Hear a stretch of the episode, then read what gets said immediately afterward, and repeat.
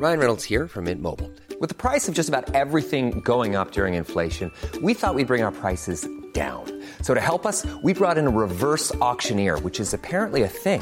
Mint Mobile unlimited premium wireless. Ready to get 30, 30, bit to get 30, bit to get 20, 20, 20, bit to get 20, 20, bit to get 15, 15, 15, 15 just 15 bucks a month. So, Give it a try at mintmobile.com slash switch. $45 upfront for three months plus taxes and fees. Promo for new customers for limited time. Unlimited more than 40 gigabytes per month. Slows. Full terms at mintmobile.com. Den där, den här bruden som du håller på med, eller nyss Allt prata inte för mycket nu. Det här är en podd. Mm. Kan vi klippa tillbaka? Ja, får klippa i början. Nöden har ingen lag. Välkommen till ett nytt avsnitt av podcasten Cyril och Stig. Cyril, det är jag Cyril Hellman och Stig är författaren Stig Larsson. Podcasten produceras av Contro. Dagens gäst är regissören Sara Bros. Sara debuterade för fyra år sedan med filmen För dig naken om konstnären Lars Lerin.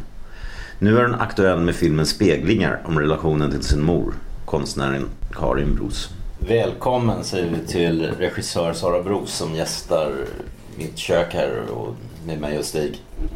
Eh, och Sara, du är aktuell med filmen Speglingen. Som, hur ska man beskriva den? En mor och dotterrelation.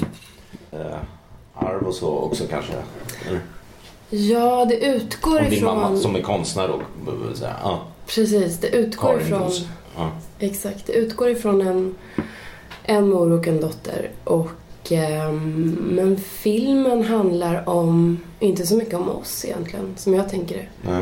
Jag tänker att det, vi använder varandra som verktyg för att berätta om någonting annat. Ja, hon har ju använt dig mycket i sin konst. Nu Mm. använder du henne kan man säga i din konst. Jo men exakt, alltså hon använder ju mig som någon slags modell eller motiv i sina målningar.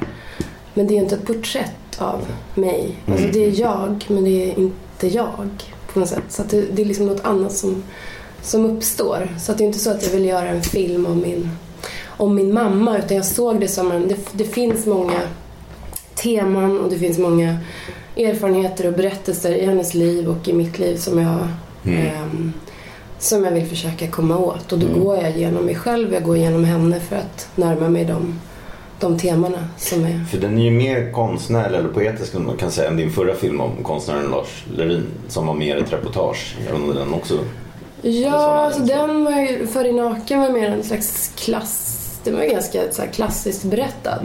Som en historia liksom med början, mitt och slut. Och ehm, den här filmen är mer någon slags associativt berättad liksom. Men det är mest frag- en meditation nästan. Ja, men lite som fragment ur livet, tänker jag. Så här, nedslag i olika... ehm, utan att det finns en tydlig historia. Men jag tänkte bara att man kan försöka så här, sugas in i någonting som blir något slags associativt. Men du börjar med att du också vill närma dig din mamma. Att, att det har varit någon alienation eller någonting. Eller säger, Ja, eller? alltså den utgår mycket från någon slags längtan efter att bara komma nära och bryta en tystnad som har funnits och som har varit väldigt påtaglig. Alltså en tystnad som handlar om att vi inte har kunnat riktigt sätta ord på vissa saker eller erfarenheter. Eller... Jag tror att det är viktigt ibland att bara våga gå in liksom, i...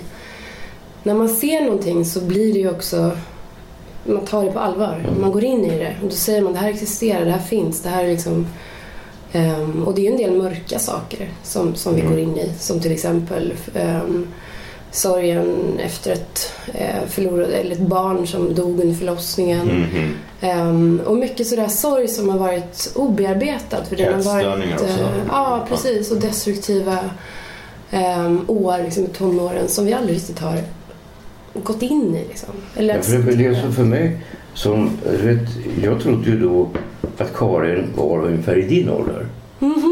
Alltså, det är inte klokt. Alltså, jag träffade henne då på visningen. Va? Ja. Och då sa det. "Ja, Det här är inte klokt. Alltså, alltså, jag trodde ju då att du var ungefär 38 eller något sånt där. Va? Ja, Och det berodde ju då helt och hållet på att jag inte kände till henne som Nej. konstnär förrän hon hade utställningen där på den här Sven Harris. eh, Mm. eh, och tyckte att hon var så anmärkningsvärt bra. Att det måste ju... Att tanken att hon skulle vara så pass gammal och inte hade slagit igenom. Mm. Mm. Att inte jag kände till henne. Mm. Det var eftersom jag håller mig någorlunda ajour Mm. med det som händer i konstvärlden. Mm. Eh, Men det måste ju ha varit så att det tog ganska lång tid för henne och att hon levde där ganska isolerad i... Alltså hon har ju också aldrig varit intresserad av hela den där idén om liksom karriär och framgång och slå igenom. Hon är Mm. bara... Och sen är det också så, lever man ute i skogen på landet och så det är som att allting är så koncentrerat också till Stockholm och det som händer här och om man inte har den det drivet liksom, Ja. att visa upp sig och gå runt och sådär som inte hon har haft utan hon har bara jobbat i tystnad. Sen har hon haft lite utställningar och sådär men mycket också i, i Värmland och, och sen plötsligt då blir hon upptäckt sådär av någon, någon som, som säger att nu har hon liksom fått ett genombrott men hon har ju varit konstnär sedan hon var jätte, jätteung Jo, men jag fattar ju. och hållit på. Så att, eh, Och hon var ju liksom eh, alltså en sån här, tillhörde ju den här hippie-generationen. De är ju roligare med bilderna av de här. För jag tillhörde ju också den. Jag hade ju sån här lång militärrock och långt hår och, och eh, höll på och flummade. Kanske inte lika mycket som din mamma. Inte då när hon var i tonåren. Nej. Hon var ju nu i Umeå. Men alltså, eh, och det var ju en hel del där i den generationen som just flyttade ut på landet. Ja men hela den gröna vågen när man inte heller tänkte så mycket på karriär och Mm. på pengar och det var bara en slags... Det tror jag läste någon intervju med dig att, att, du ändå, att, det- att det ändå var lite fattigt och sådär i barndomen. Ja det- gud alltså vi hade ju, vi odlade våra egna grönsaker, vi hade utedass och vi levde ju på i stort sett ingenting. Mm. De planterade granplantor och det var deras inkomst. Mm. Och min pappa gav kurser i drejning inne i Hagfors. Men de, behö- de hade inga stora utgifter så de Mm. behövde ju liksom inte någonting. Så livet var ju, men de hade tid. Mm. De var ju alltid, vi var ju Alltså familjen, alltså vanligtvis när folk gör om sin familj eller något sånt, då, då, brukar man ju, då brukar folk skildra en väldigt dy- dysfunktionell familj. Och här fanns ju mörkret i det här med barnet, förlorade barnet och sådär. Men annars känns den ju väldigt harmonisk och dina föräldrar varit, verkar ha varit lyckligt gifta i 40 år. Och, Ja, alltså det, absolut. Det finns inga stora sådär uppgörelser eller trauman eller stora konflikter utan, utan det har funnits mycket kärlek. Men jag tänker eh, på Thomas Tidholm som jag gillar som poet. Han flyttade ut till Helsing, Hälsingland någonstans. Mm. Och Po Tidholm, han skrev ju då, jag gillar Po, han, han skrev en sån enormt provokativ text i DN. Mm. Som handlar om att han nu när han hade fått barn eh, också bestämde sig för att flytta till Norrland. För han tyckte att det var mycket bättre för barnen. Mm. För att eh, det fanns en annan social kontroll eh, i en liten ort. va? Ja. Och att eh, det var mindre risk för dem att hamna i dåligt sällskap. Och. Mm. och då blev ju alla som bor här i Stockholm blev ju alldeles fullständigt rasande. Och, eh, ja, på ett sätt kan man kanske förstå dem men jag tror ju att han har rätt också. Mm. Att det, det finns vissa fördelar med att växa upp i en trygg miljö. Att kunna, en sån enkel sak som att kunna leka utomhus. Mm. Att kunna gå i skogen själv Ja. och du vet, Ja. eh, bygga kojor och sådana grejer. Ja. Som barn här i Stockholm. Men sen är det också det här med barn, liksom, att man ändå... Det var ju en idyll. Alltså nu när jag ser tillbaka så var det ju ett, en idyll. Men jag, som barn vill man ju också bara vara som alla andra. och du jag, sa i jag filmen hade att inga... du ville bo i höghusen i Jag drömde om de stora betongblocken inne i Hagfors centrum som nu tycker jag är en mardröm. Men då var ju det något exotiskt. Så här, en tvättstuga och Ja. namn på dörren. Och, Men ehm, vi hade inga Barbie-dockor och Little Ponies och sådär. Utan vi hade ju ett annat slags liv som man då inte riktigt... Man ville bara tillhöra. Alltså vara del av någonting. Det var ju en ehm, rolig grej i filmen att ni fick leka mentalsjukhusdockor som dina föräldrar gjorde. Ja, alltså, de, de, alltså det är också en sån kärlekshandling. Vilka föräldrar idag så här sitter och spenderar en hel vecka nästan på att bygga ett lerdockhus åt sina barn. Så här. Nu var det det vara ett mentalsjukhus. Att vi lekte med liksom någon som hade hängt sig på vinden. Och, så det var också någon slags sådär, döden och det mörka fanns närvarande. Och sen Lars Lerin som kom hem till oss. Eh, Monica Som, han var din gudfar? Lars, Ja, eller han, är din gudfar? ja, han är väl det fortfarande. Han har inte varit så närvarande gudfar. Men, Mm.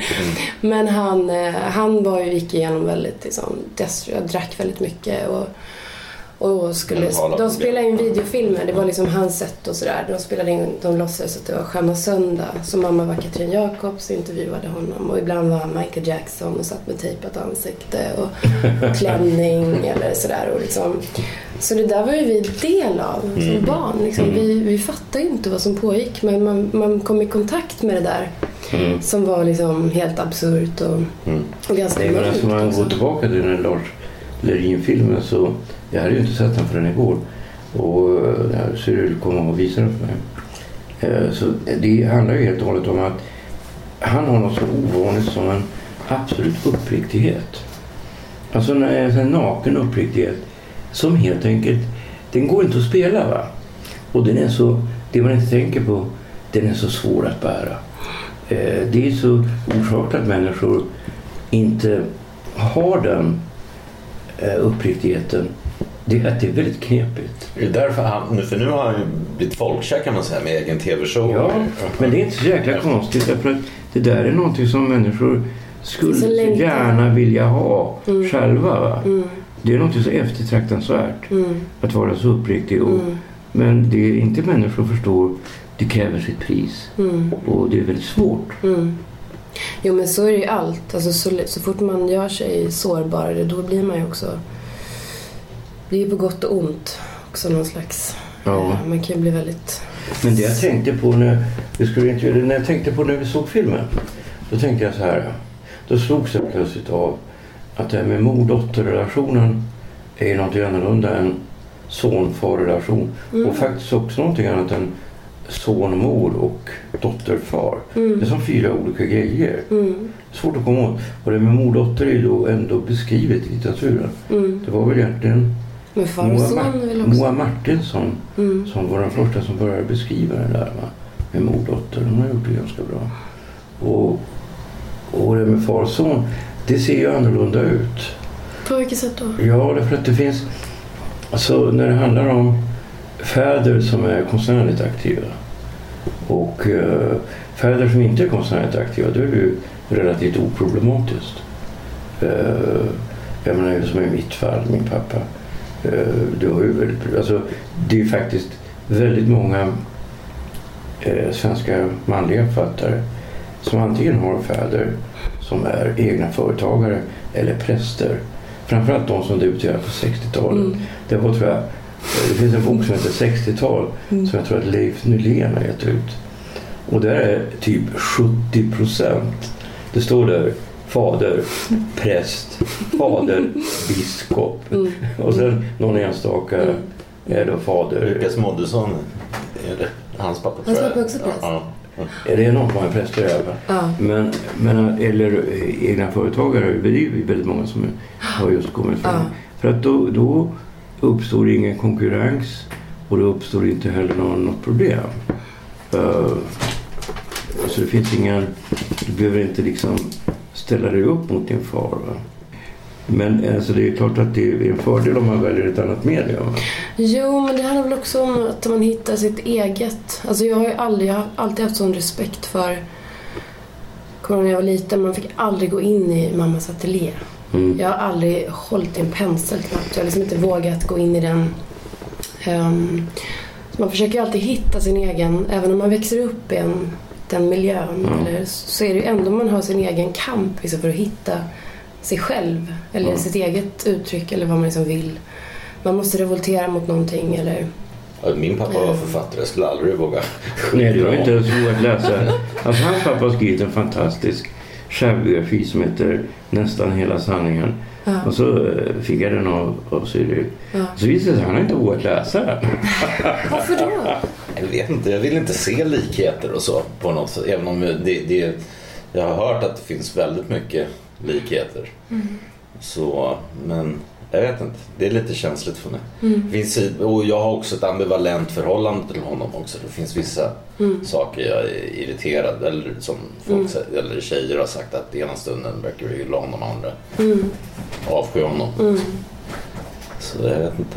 Men det är väl också det man ser i sig själv. Alltså det man inte tycker Ja. om hos sig själv är det man också ofta projicerar och liksom ser i sina föräldrar. Och plötsligt inser man att man är, man har det där i sig ibland som Ja. Som man inte alltid Nej, vet. men jag uppfattar att det lilla jag har läst när jag bläddrat, gjort några nedslag i boken, så, så är det ju även stilistiskt ganska likt. eh, Raljant stil. Ja. säga. Fast jag skriver bättre tycker jag. Men han är, väldigt, han är väldigt rolig och han skulle inte... Alltså Cyril må vara obekväm, det tycker jag också. Men hans pappa är så obekväm så han skulle inte få bli utgiven idag.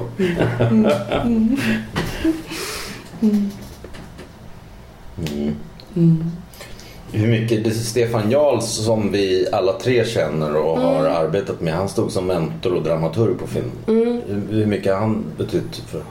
Ja, men Stefan betyder otroligt mycket på väldigt många sätt. Inte minst att han är, har blivit en av mina närmsta vänner. Jag älskar honom. Alltså, han, är, han har en känslighet och ehm, är så hängiven liksom, i sitt... Ja, men bara att han, han ger så mycket och tror så mycket också på, på mig. Så han har funnits där under hela processen. Från första början när jag försökte formulera vad det var som jag ville göra.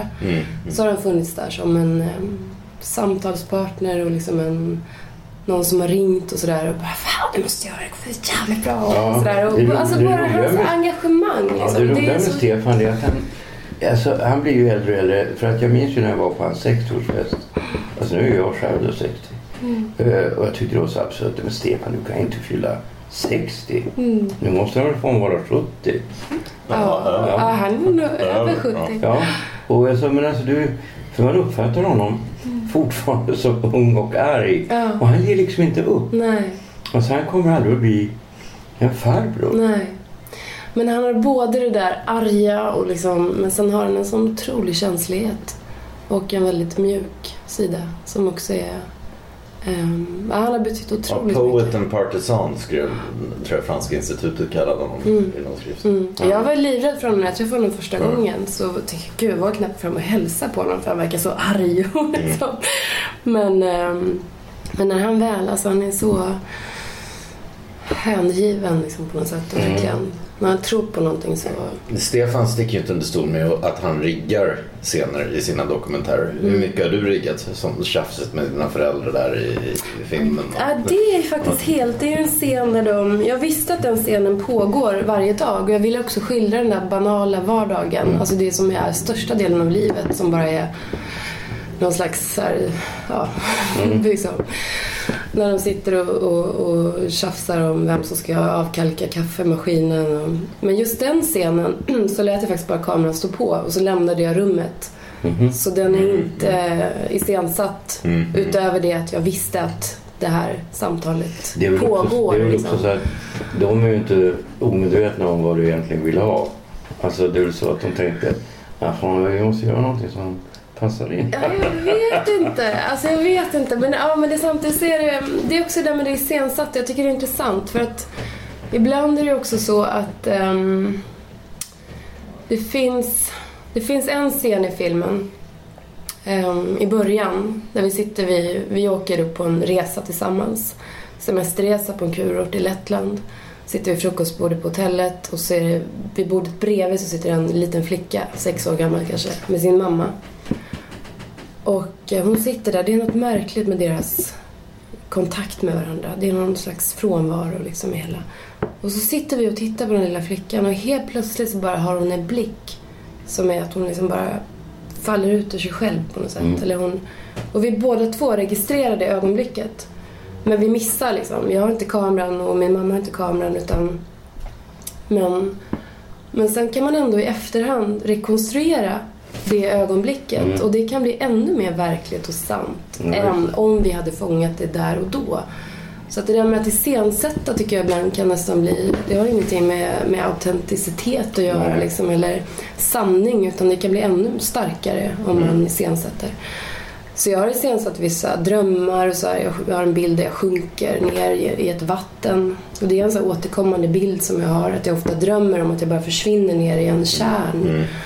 Och, ehm, så den är ju iscensatt men det är ju en verklighet för mig. Jag lever ju liksom, vi lever på så många olika plan. Och det är liksom, vad är verklighet och vad är illusion? Och liksom man, man pendlar ju hela tiden mellan olika dimensioner. Liksom. Så att verklighet, vad är verklighet och vad är... Ibland kan så här fantasier vara mer verkliga än, än liksom den verklighet som är så här, här och nu. Mm. Så att, jag eh, förstår vad du menar, även om jag inte håller med dig på ett principiellt plan. För jag tycker nog att det är väldigt viktigt att skilja på det här med fantasi och verklighet. Mm. Annars skulle man ju bokstavligt talat bli psykotisk. Ja, absolut. Men sen om man ändå kan gestalta det eller så här, få ner Ja, det, då ja. blir det också konkret så att det Mm. blir liksom greppbart. Men, eh, men, men jag jobbar ju inte med att jag iscensätter att jag säger men du nu så vill jag att du säger det där igen som du sa förut. Eller, för det funkar aldrig. Jag tror att Nej, när, det, det- kling, det är när, det, när det, liksom, det klingar falskt. Mm, mm. Så att det handlar ju också om att den här balansen mellan när det är iscensatt så är det också uttalat Mm. att det är iscensatt. Så det är inte någon slags så här mellan eh, märkliga, eh, diffusa. Eh, men de där olika planen tycker jag är intressant att jobba med. Ibland är det bara helt dokumentärt, fångat i stunden och ibland så är det en, en fantasi eller en dröm eller bara en bild jag haft i huvudet. Och sen en annan sak som jag tänker på. Nu när jag tänker på din mamma då. Och jag var ju väldigt intresserad, blev intresserad av konst typ när jag gick i åttan. Mm. Och jag fick tillgång, jag snodde helt enkelt en massa årgångar av konstrevy. Mm. Och när jag läser om dem där så det var ju vissa konstnärer som gjorde intryck på mig. Bland annat Ola Billgren och Janne Håström och så. Mm. Men det var en del kvinnor också. Mm. Och eh, de flesta av de här kvinnorna, i stort sett alla de här kvinnorna, är ju då helt okända. Mm. Och jag tror att du, om man skulle vara kapitalstark och försöka tjäna pengar på något sätt genom konst, då skulle man botanisera i den här, Mm. bland de här kvinnorna som helt enkelt var mindre, för på den tiden fanns det ju liksom, det här var ju då i princip före kvinnorörelsen och typ sådär. va. Mm. Och kvinnor hade inte samma gå-på-anda och samma förmåga att slå sig fram va? Som de har idag. Mm. Och det, det gör att en hel del, jag menar att jag tänker på eh, Katarina Olausson, eh, Gunnel Larsson, Birgitta Andersson. Flera kvinnor som, om du frågar människor idag, de vet inte alls vilka de är. Mm. Men som är my- mycket bra konstnärer. Mm. Och eh, jag träffade Olle Granat som var ju då på den tiden, nu snackar vi 60-tal, så var han en förebild för mig. Det var han som presenterade den internationella konsten i Konstrevy. Och han var då chef, han hade varit chef för Moderna och var chef för Nationalmuseum. Då frågade jag honom, är det någonting intressant som sker just nu? Ja, Birgitta Andersson. Mm. Det skulle du nog gå och titta på. Så jag köpte faktiskt en målning av henne. Han ställde ut på ett litet galleri i Gamla stan. Du vet, ett sånt där Mm. ett närmast krigsgalleri. va, Men väldigt bra. Mm. Eh, för 2 5 eller något sånt. Mm. Eh, och hon, hade, hon var ju då 75 år. Det visade att hon hade gått samma klass som Janne Håström. Och målat hela tiden men aldrig liksom kommit fram. Nej. Och jag tror att det där är något som alltså dagens kvinnor borde liksom mer uppmärksamma. Vad fan hände Mm. tidigare? Mm. Därför att många av dem lever ju fortfarande idag. Mm. Nej men det är också lite med min mamma. Jag menar, hade inte hon blivit då upptäckt av någon gallerist som hade fångat upp henne så hade hon ju bara fortsatt och levt sitt liv och gjort sin konst Ja. liksom, som hon alltid har gjort. Så, att, utan, så det är inte alla som har den där. Idag är det så mycket fokus på att man ska vara entreprenör och man ska fram, ja, presentera sig själv och liksom bli bra på att sälja sig själv och inom alla områden. Inom Ja. film är det också väldigt mycket så. Ja. Och det är inte alltid som man är så tror att det bekväm skedde, med det. det skedde också en slags brytning ungefär runt 2008-2010 när måleri blev mer accepterat Mm. Som konst. Mm. Alltså under... Jag tänker att det var installationer och sånt innan. Ja, eller så här under konceptkonst. Så det, det, det gjordes en hel del Mm. så kallad konst som ingen människa kommer att bry sig om om tio år. Mm. Och det hela var ju väldigt tragiskt för dem, framförallt för de som är inblandade i det hela. Men det kom en reaktion ungefär 2010 skulle jag säga. Jag kommer ihåg att de bytte på, på Mejan. De bytte ut professoren i grafik mot, mot jag tror det var elektronik eller något sånt där. Ja, det var det var ju faktiskt... Min mamma är ju grafiker. Hon var väldigt upprörd. Ja, men det var ju faktiskt så att det var ju den här, vad heter den, von Schantz som han var med i någon diskussion där han protesterade mot att man tog bort undervisningen i, alltså att, att kunna rent tekniskt sett. Jag tror att det handlar om krokiteckningar. Och, sånt där. och sen så dog han. Eh, han var i tv alltså. Eh, I någon direktsänd debatt tror jag. Och dog någon timme senare. Lite dramatiskt. Men det hade nog sin betydelse för han, han hade nog en viss... De här, vissa av de här äldre konstnärerna eh, som kämpade på, jag tänker på Bo Larsson och sådana här. Eh, de kom ju framtiden att, att ge en annan plats än vad de fick under, under sitt liv. Va? Därför att eh, modernismen skapade, liksom målade in sig själv i ett hörn som den inte gick att Hey, I'm Ryan Reynolds. Recently, I asked Mint Mobile's legal team if big wireless companies are allowed to raise prices due to inflation. They said yes. And then when I asked if raising prices technically violates those onerous two year contracts, they said, What the f are you talking about, you insane Hollywood ass? So to recap, we're cutting the price of Mint Unlimited from $30 a month to just $15 a month. Give it a try at mintmobile.com slash switch. $45 upfront for three months plus taxes and fees. Promo rate for new customers for limited time. Unlimited more than 40 gigabytes per month. Slows. Full terms at mintmobile.com. Hey, it's Ryan Reynolds, and I'm here with Keith, co star of my upcoming film, If, only in theaters, May 17th. Do you want to tell people the big news?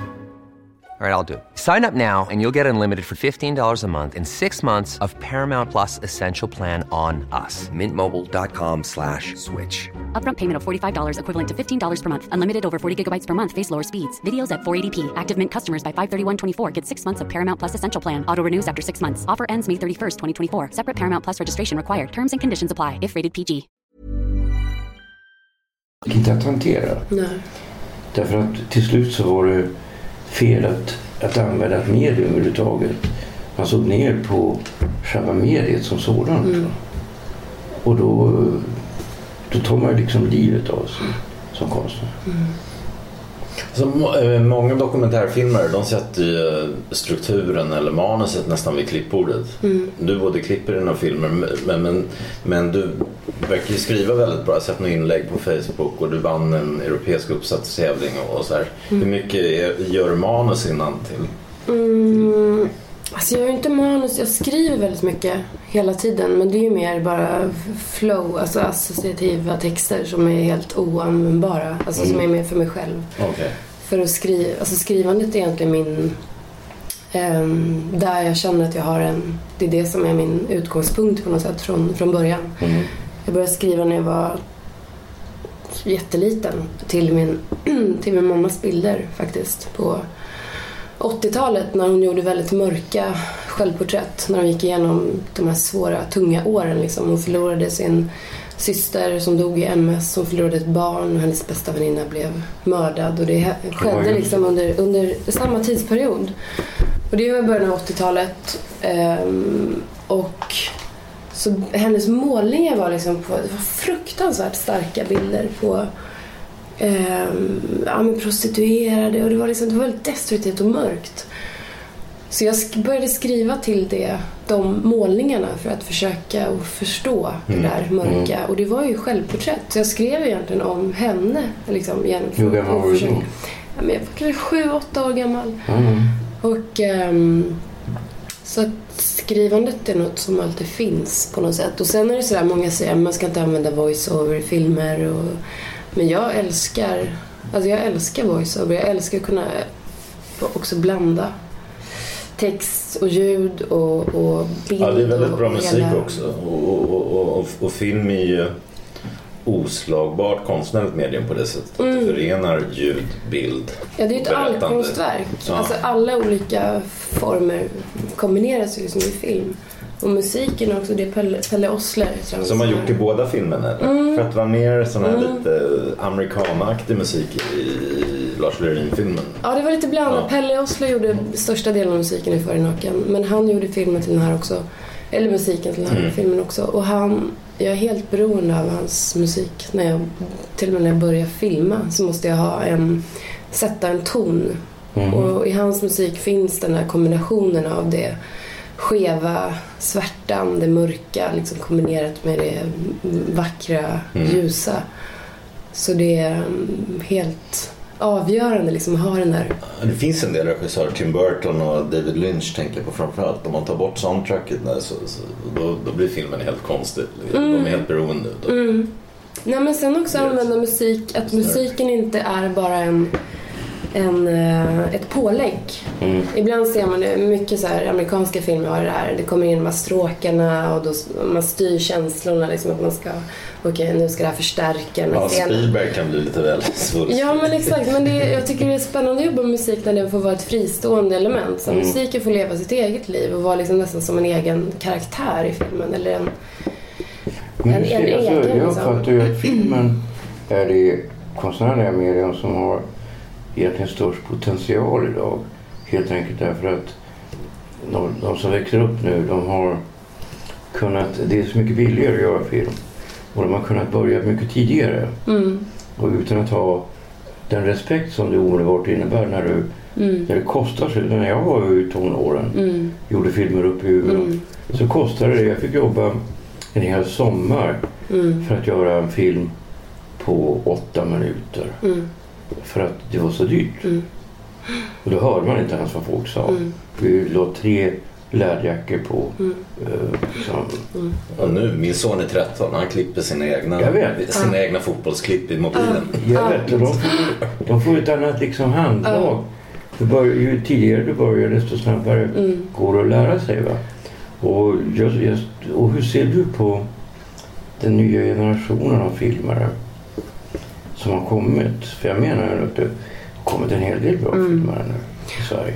Jo men det har det. Och det är också, det jag känner nu är också att det finns en våg av filmer som, som också tar man skapar sina egna sammanhang. Mm. Man sitter inte och tänker så här, "Men där borta finns branschen och, och vi måste nå dit. Utan man skapar egna konstellationer, går ihop och liksom gör filmer mer independent och, och um, alltså har den friheten att experimentera. Och, ja, men nästan som det var på, tänker jag, älskar ju 70-tals vågen, liksom hela den, det sättet att jobba på när man bara lämnade studiorna liksom och gjorde att det finns en frihet. Men sen handlar ju allting om det är också på gott och ont. Det är ju fantastiskt att man kan jobba digitalt, man kan filma jättemycket men sen handlar ju ändå allting i slutändan om liksom, vad är det du berättar, vad har du på hjärtat, liksom, vad gör du av allt det där?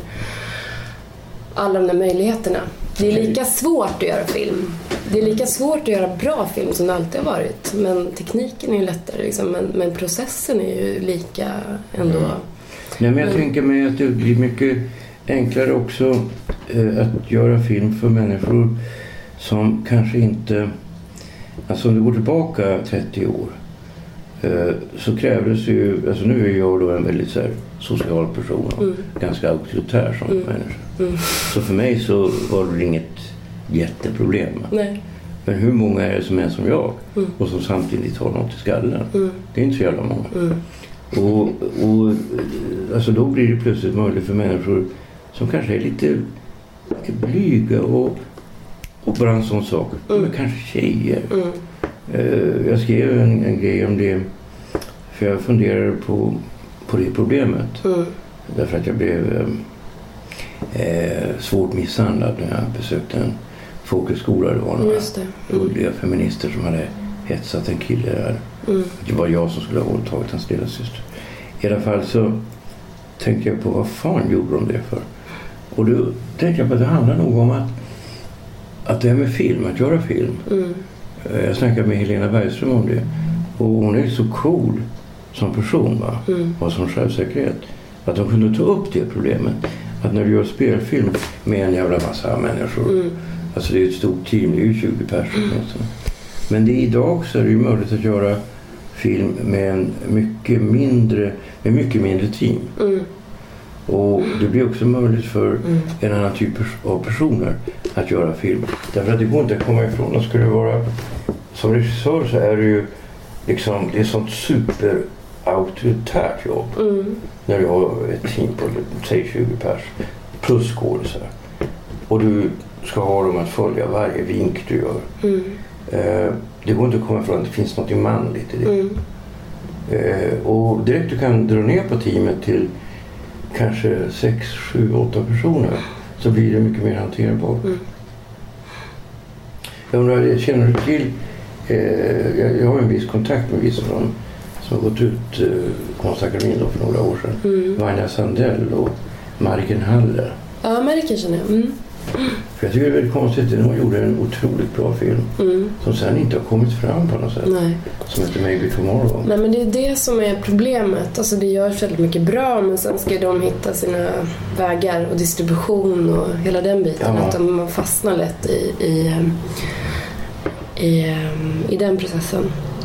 Att det finns en fortfarande kanske ängslighet eller rädsla för det som, som är ehm, ja, som man inte tror är kommersiellt gångbart eller funkar det här och kommer publiken Oj, ja.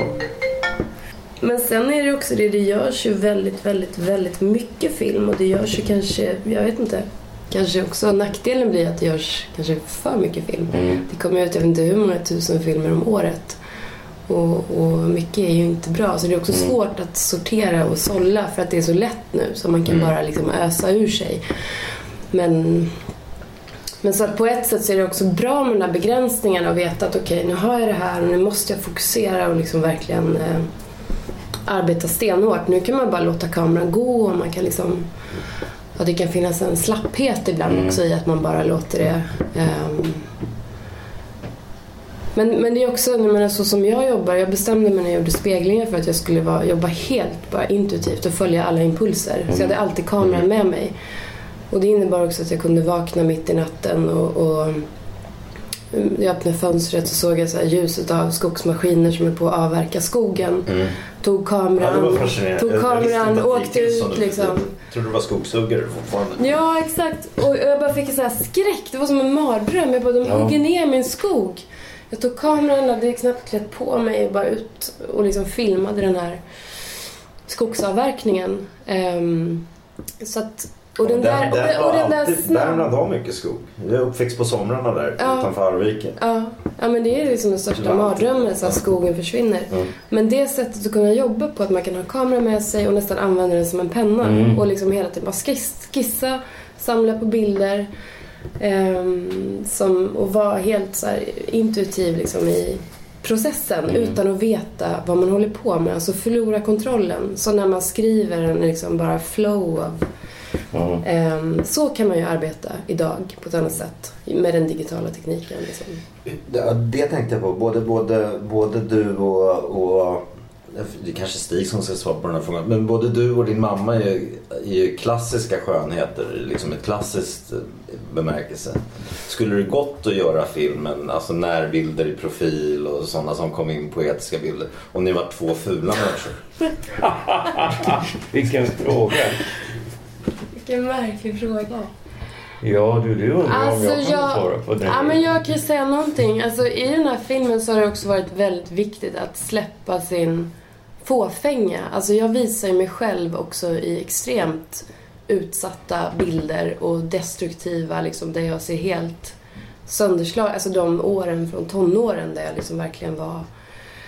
ehm, alltså bilder som inte är så insmickrande. Så släppa den där um, självmedvetenheten Mm. liksom, på något sätt. Att det... Att, ehm, Men hur ser du nu, alltså framför dig? Eh, vad tänker du? Alltså, tänker du fortsätta göra den här typen av filmer? Eller tänker du liksom... Ja, precis. Du har använt folk i din närhet. Din gudfar och nu dina föräldrar. Måste, kommer du fortsätta på... Är det din nisch eller ska du... Alltså jag tänker så här att det, det för mig så... Jag kommer alltid att ha ett personligt eh, förhållningssätt till allt jag gör. Jag gjorde en kortfilm förra året som heter Hemland som handlar om en syrisk eh, kvinna som kom hit som flykting. Och den är lika personlig för mig. Alltså det måste gå igenom en slags personlig... Mm. Så det har inte att göra med om det är den egna familjen eller om det är ehm, en syrisk flykting eller som är min nästa film som handlar om en ehm, resa till eh, Balkan och Östeuropa som jag påbörjade. Jag började filma för 20 år sedan när jag åkte omkring på, på tåg nere i, i Balkan och filmade människor som jag mötte och frågade vad är kärlek? Vad är hem? Och jag var 16 år och jag hade ingen aning om vad en regissör var överhuvudtaget. Liksom, men jag hade bara en längtan. Du filmade då? Ja, jag var så blyg så att jag ha- hade kameran som, ett, som en ursäkt för Ah. att ta kontakt med människor och sådär. Och, och tänkte, men jag har kameran, det blir ett skydd. Så jag, Mm. nu kan jag våga ställa och väldigt så här personliga frågor. Ja, Så det är ju att, faktiskt ehm, så att genom film så, eh, alltså om du bara säger att du håller på att göra en film så kommer du in i precis alla miljöer. Mm. Jo men också, det finns också en längtan efter att... För nu åkte jag tillbaka förra sommaren och filmade eh, på tåg och gjorde då samma resa som jag gjorde när jag var 16-17.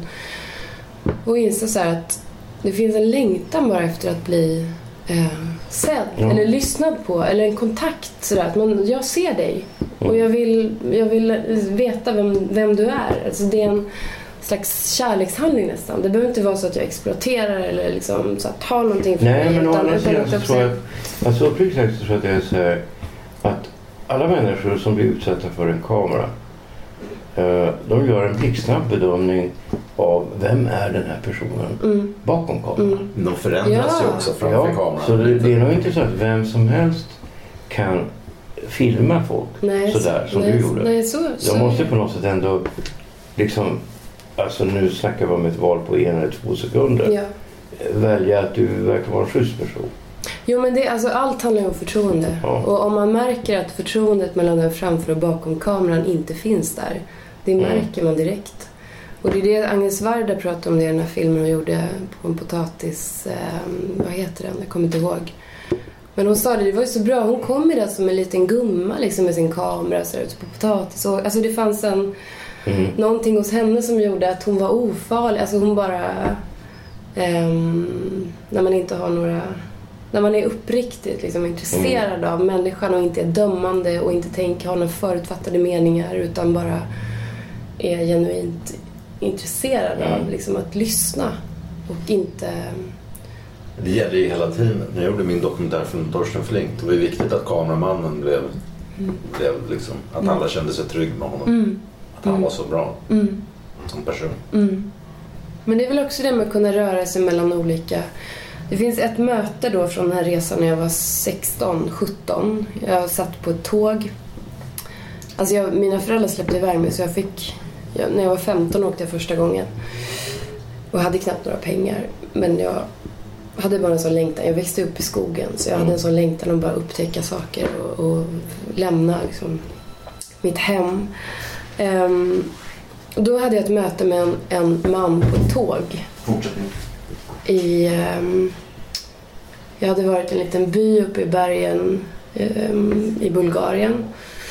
Var på väg hem, hade bott där hos ett äldre par som, ehm, som jag bara stannade hos. Jag kunde inte prata med varandra. De levde ehm, ett enkelt liv och jag var där och hjälpte dem lite med trädgården. Och, så var jag på väg hem och jag skulle ta tåget från Sofia. Jag hade rest hela natten. Satt på perrongen i Sofia fem på morgonen. Och så kommer ett gäng med små killar som så här små tjuvar liksom, som jag kände att okej, de kommer och gör något. Åtta, nio personer. Och de plockar mig på allt. Liksom. Min väska, mina pengar, liksom allting. Jag hade bara mitt pass och min tågbiljett kvar.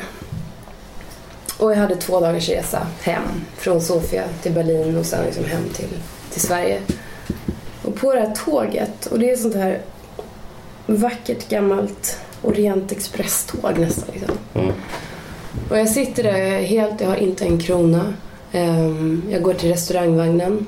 Den är så jätte, liksom. Det är inte en människa där, det är helt nedstängt, liksom. det är inte öppet. Det sitter en man där och, som jobbar i i um, serveringen, sitter och sover och jag sitter där ensam med vita dukar på borden.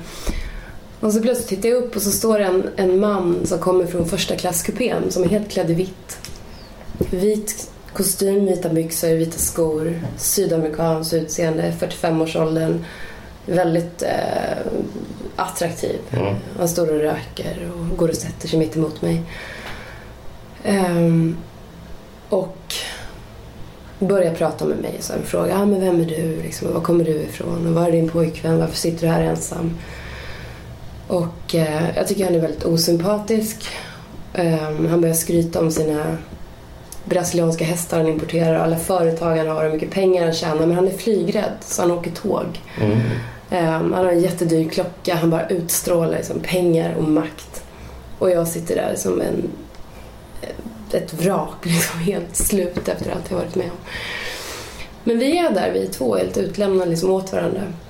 Och efter att han har hållit sin monolog så, så vänder han sig mot mig och säger men vad, berätta, var, var har du varit liksom? Varför är du här? Och då berättar jag om hela min resa som jag har gjort.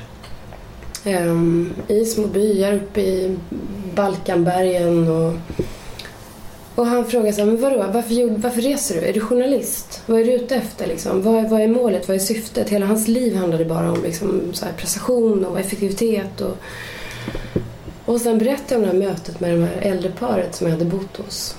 Och det var någonting hos honom som han liksom... Han... Eh, jag tror att han tänkte att jag skulle aldrig kunna möta de här människorna. Jag skulle aldrig kunna komma dit med min vita kostym och med mina, min dyra klocka liksom. Och, så det var någon längtan som väcktes hos honom. Så att det här mötet slutade med att han låg på bordet och grät som ett barn och jag strök hans hår och kände mig, jag fick så moderkänslor för den här mannen liksom, som jag först hade känt ett slags förakt inför. Ja. Och, och, han bara insåg hur fast han var i sin kostym och sin, liksom, sina pengar och hela sitt liv som var så otroligt inskränkt. Och jag var den som bara representerade den totala friheten för honom. Som kunde röra mig fritt och som inte hade några pengar men som var... Sen kom vi fram, vi skulle skiljas åt, gå av tåget många, många timmar senare. Och då sa han, jag måste tacka dig för det här mötet. Han var helt rödgråten. Jag måste få tacka dig på något sätt. För jag har aldrig pratat med någon på det här sättet. Jag har aldrig öppnat upp. Han hade verkligen berättat om hur olycklig han var. Jag kan köpa vad du vill. Jag har hur mycket pengar som helst. Vad vill du ha? Och, och jag trodde han skämtade med mig först. Jag sa men jag vill, alltså jag vill inte ha någonting. Jag behöver ingenting. Uh, men jag kommer inte släppa dig förrän du har sagt någonting jag kan köpa. Det är mitt enda sätt att visa liksom, min ja, ja. uppskattning på. Och till slut då så skiljer vi oss åt. Och då så, eller jag var, var tvungen att rusa och då sa han så här, men, ja, men säg någonting då. En bil, vill du ha en bil? Ja, jag visste, en bil det blir jättebra. Så han fick min adress, mitt telefonnummer och sen blev nästa del av historien då liksom hur han köpte en bil till mig. Och, eh, och det som var intressant med det mötet, det var att när jag kom hem så var alla väldigt misstänksamma mot den här mannen. Och sa, men gud han var ute efter någonting. Och sa, men han vill ligga med dig. Eller han vill, liksom, han vill ha någonting tillbaka. Och jag sa, men han har grå... Alltså jag har suttit där och strukit hans hår liksom. Och, och eh, det handlar inte om det. Jag hade gärna legat med honom. Alltså det, jag var attraherad av honom. Så att det var egentligen omvänt. Men för honom var det bara viktigt att så här, jag skulle få den här bilen, så skulle jag leva mitt liv. Och han sa bara, lycka till med mitt liv. Jag går tillbaka till mitt. Vi ska mm. inte ses igen. Och det slutade med att jag fick en, en röd Amazon. Um, en sån här söndagskörd bil som mm. från 67, jättefin. Som, eh, och sen sågs vi inte mer. Men han sa det, ta din frihet, liv ditt liv och um, jag går tillbaka till mitt liv. Liksom. Tack för det här mötet. Ja. Så det var en sån här viktig, avgörande händelse på något sätt som betydde väldigt mycket också i de här att det är så lätt att döma ibland. Liksom. Eller man utgår jo. från en äldre man, en ung kvinna. Det är klart det handlar om något så här... Man... Äh... Jo, men det är ju mm. naturligt att man...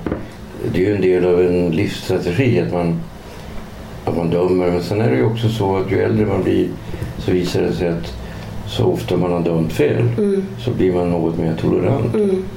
Men det där med att tro att man skulle kunna helt bli kvitt mm. förutfattade meningar och så. Mm. Det tror jag är en illusion. Mm. Jag tror att man måste på något sätt acceptera. Jo, jag har förutfattade meningar. Mm. Sen så visar det sig att de inte stämmer sen. Mm. Mm. Jag tror vi klarar det. Ja. Ni har lyssnat på podcasten Cyril och Stig producerad av Kontro. Vi hoppas ni gillar det ni har hört och går in på acast.com och prenumererar och delar på Facebook och Twitter till era vänner. Det är inte gratis att göra bra podcast och vi är beroende av bidrag och uppskattar varje sådant. Swisha till 123 Even when we're on a budget we still deserve nice things. Quince is a place to scoop up stunning high-end goods for 50 to 80% less than similar brands. They have buttery soft cashmere sweaters starting at $50 luxurious Italian leather bags, and so much more. Plus, Quince only works with factories that use safe, ethical, and responsible manufacturing. Get the high-end goods you'll love without the high price tag with Quince. Go to quince.com/style for free shipping and 365-day returns. 069 1147